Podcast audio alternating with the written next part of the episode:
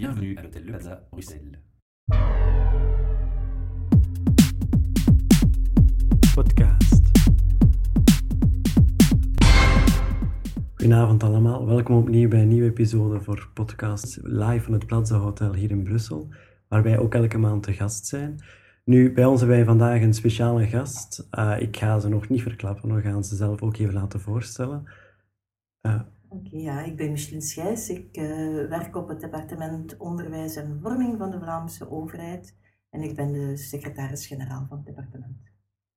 Nu, de reden waarom we vandaag hebben uitgenodigd is eigenlijk een artikel dat een paar weken geleden is verschenen in de krant. Uh, het ging over het verplicht maken van stages in het secundair onderwijs, uh, omdat vandaag de dag er wat onrealistische verwachtingen zijn ja, dat verplicht maken van stages in het secundair onderwijs. Het is niet veralgemeen in het secundair onderwijs. Het gaat alleen over technisch en beroepssecundair onderwijs. En ik kan misschien beginnen, vooraleer dat we zeggen wat we precies gaan doen, waarom dat we dat doen. Um, sinds een aantal jaren eigenlijk zetten we al in op wat we werkplekleren noemen. Dus werkplekleren is een heel ruime waaier van alle soorten ervaringen die erop neerkomen dat leerlingen competenties ontwikkelen op de werkvloer. Dus niet in een schoolcontext, maar op de werkvloer. En dat kan gaan van een uh, bezoek aan, aan een bedrijf, dat kan gaan van een stage, maar dat kan eigenlijk gaan tot vormen van duaal leren. Zoals we het hebben in het deeltijdsberoep secundair onderwijs of in de Sintras, waar dat we de leertijd hebben, waar dat leerlingen eigenlijk maar een beperkt aantal dagen les volgen in een schoolse context en dan de rest van de tijd gaan werken bij een patroon of in een bedrijf. Dus werkplek is eigenlijk die hele ruime waaier van activiteiten waar dat ze competenties ontwikkelen op de werkvloer. Dus is eigenlijk ook een soort van leercontract? Uh, als dat, zit er ook in. Dat zit er ook, zit er ook in. Leercontract, alle mogelijke statuten zitten daarin, maar het kan dus echt gaan van een, ja, een bezoekje een, uh, hoe noemen we dat? Observatiestage. Een, observatiestage. Dus we noemen eigenlijk werkplekleren al die verschillende vormen. En we denken dat werkplekleren in al zijn verschillende vormen, dat dat een heel krachtige leeromgeving is om leerlingen beroepscompetenties bij te brengen. Maar niet alleen beroepscompetenties bij te brengen, ook eigenlijk het leren van meer uh, realistisch te maken. Dus het realiteitsgehalte van wat de leerlingen in de school leren, om dat reëler te maken. Ik geef een voorbeeld, want, en ik ga meteen een voorbeeld geven dat zich niet in het beroepssecundair of in het technisch secundair onderwijs bevindt, maar wel in het algemeen secundair onderwijs. Leerlingen kunnen bijvoorbeeld bepaalde vaardigheden, zoals burgerschapsvaardigheden, gaan ontwikkelen door in een organisatie te gaan werken. Een vrijwilligerorganisatie, een organisatie voor mensenrechten, een studiedienst bij een, politieke partij, waarom niet? Het geeft dan ook de mogelijkheid om ook te zien welke soorten van competenties er allemaal gevraagd worden op de arbeidsmarkt. Dus het is eigenlijk ook een middel om de ruime competenties die op de arbeidsmarkt gevraagd worden, om daarmee kennis te leren maken. En dat is ook goed voor leerlingen in het algemeen secundair onderwijs. Dus het is eigenlijk ook gewoon het, het bewust maken van, van eh, wat er momenteel op de markt is, op de arbeidsmarkt en kijken hoe zij daar zich kunnen in plaatsen. Inderdaad, want we zien het eigenlijk ook. Het is ook een onderdeel uh, van wat we het studie- en beroepskeuzeproces uh, vormen. Daarin is het eigenlijk heel belangrijk dat leerlingen leren inschatten wat ze kunnen, maar niet alleen wat ze kunnen, dat ze ook hun interesses leren ontwikkelen. Want je kunt zeggen, leerlingen hebben interesses, jongeren hebben interesses, maar die interesses worden eigenlijk in de eerste plaats gestimuleerd als je weet wat er zich allemaal aanbiedt. Zeker vast. Dus dat geeft eigenlijk zeker een meerwaarde.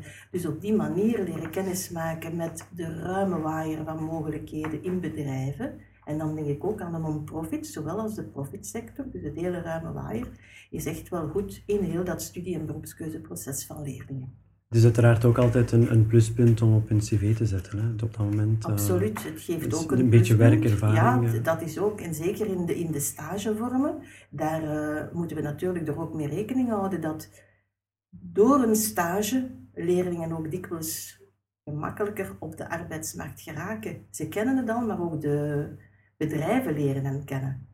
Eén nadeel, natuurlijk, moeten we ook wel rekening mee houden als het goed gaat economisch dan durven de bedrijven de leerlingen ook wel iets te snel wegplukken. We noemen dat dan de groenpluk. Hè? Dus we hebben daar al een, een woord voor. En dat is toch wel iets dat we moeten vermijden. Dus als we gaan werkplek leren in al zijn vormen stimuleren, dan moeten we ook goede partnerschappen met het bedrijfsleven eh, sluiten. En er op attent maken dat het belangrijk is dat leerlingen hun onderwijs kunnen afronden en dat ze werkelijk gekwalificeerd uitstromen. Want er is toch wel een aandachtspunt, dat is op, dat op dit ogenblik er nog altijd één op de tien jongeren van het secundair onderwijs uitstromen zonder enige kwalificatie. Denk dat inderdaad wel een belangrijk hoog, nog is. altijd, dus, vind ik. En, dus. en het probleem daarbij is dat het dan meestal jongeren zijn van lagere sociaal-economische milieus. En- Dus je hebt dan een dubbele handicap eigenlijk. Dus eigenlijk als je die mensen kan gaan, gaan motiveren door, door de werkervaring aan te bieden, door te kijken hoe het eraan aan toe gaat en, en dat je En die door, eigenlijk ook... en eh, door ze de competenties, want ik heb daarnet gezegd, het is een krachtige leeromgeving om de beroepscompetenties bij te brengen, maar dan zie ik dat heel ruim, hè, beroepscompetenties. Voor mij is dat bijvoorbeeld ook de arbeidsattitude. Dat je Ja. moet een bepaalde Sociale attitude, vaardigheden sociale vaardigheden, presentatievaardigheden, leren hoe dat je moet eh, solliciteren. Heel belangrijk ook voor bepaalde jongeren die gewoon geen enkel idee hebben en die het ook van thuis uit niet meegekregen hebben, hoe ze zich daar eigenlijk moeten gaan presenteren en tonen. Ehm, nu, ja, ik- mijn collega geeft hier ook even aan. eh, hij vraagt ook voor, dat er eigenlijk een harmonie wordt ge- gemaakt tussen eh, Brussel en, en Wallonië. Of is het enkel bij Vlaanderen momenteel? Eh, want dat is wij, natuurlijk... ja, ja. wij hebben een, eh, een gesplitst onderwijssysteem Ja, in die dus, zin eh, dat wij binnen de verschillende gemeenschappen, dus Vlaamse gemeenschap, Franstalige gemeenschap, Duitsstalige gemeenschap, dat wij volledig autonoom zijn voor wat onderwijs betreft.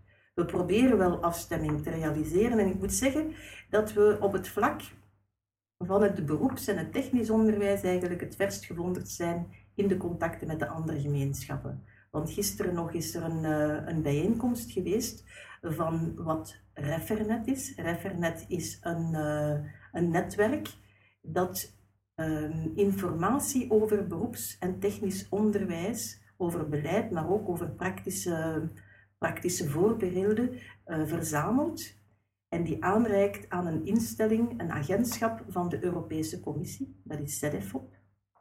En eh, in dat kader werken wij dus met de drie gemeenschappen samen.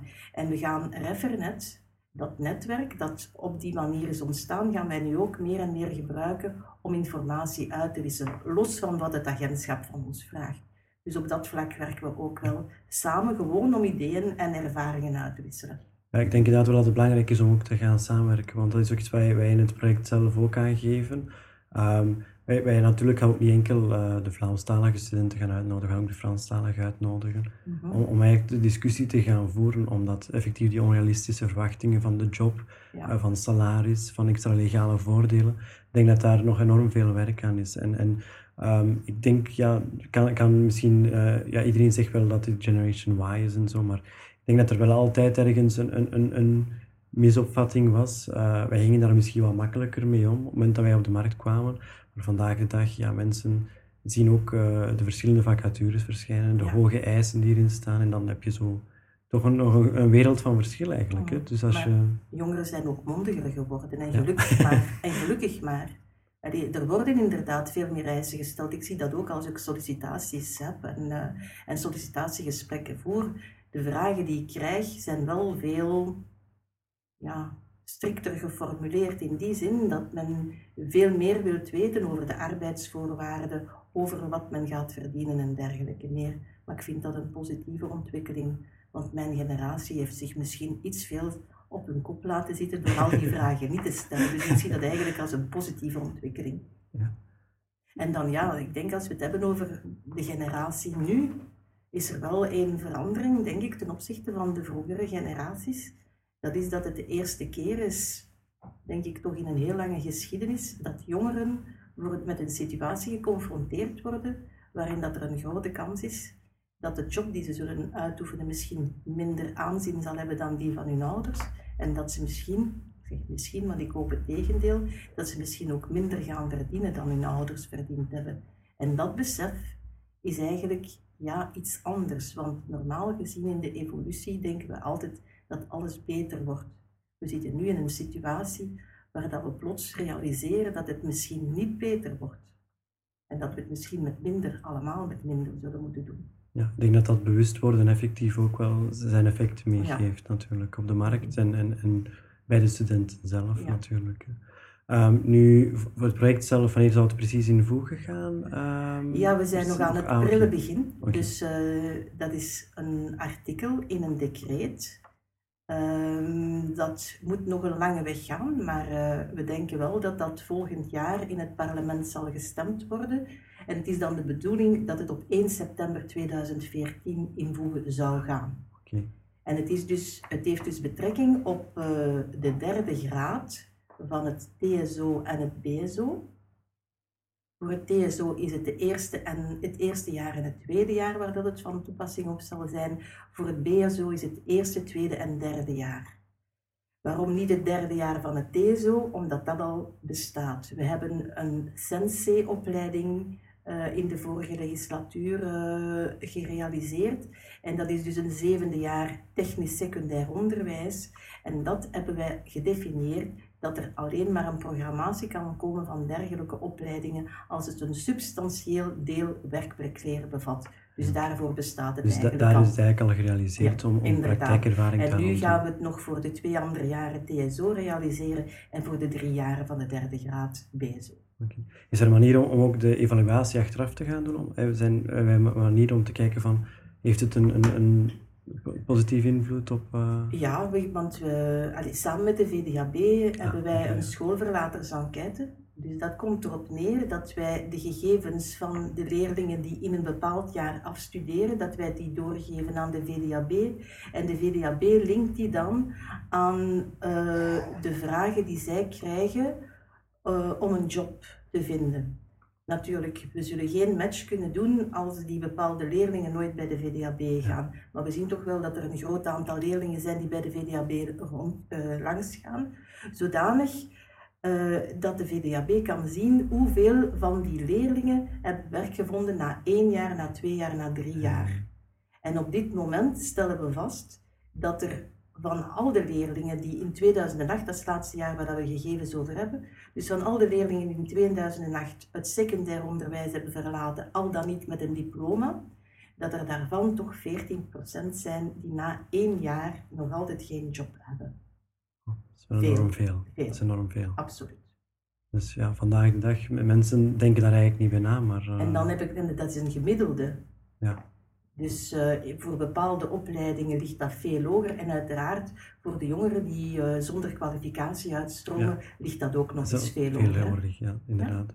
Ja, ik denk, het, eh, denk dat het echt wel ook een heel mooi initiatief is. Dat mag zeker gezegd worden. Ik denk ook de volledigheid op zich. Ik denk Ja. dat het alleen maar de markt kan goed doen en, en zeker en vast ook de studenten.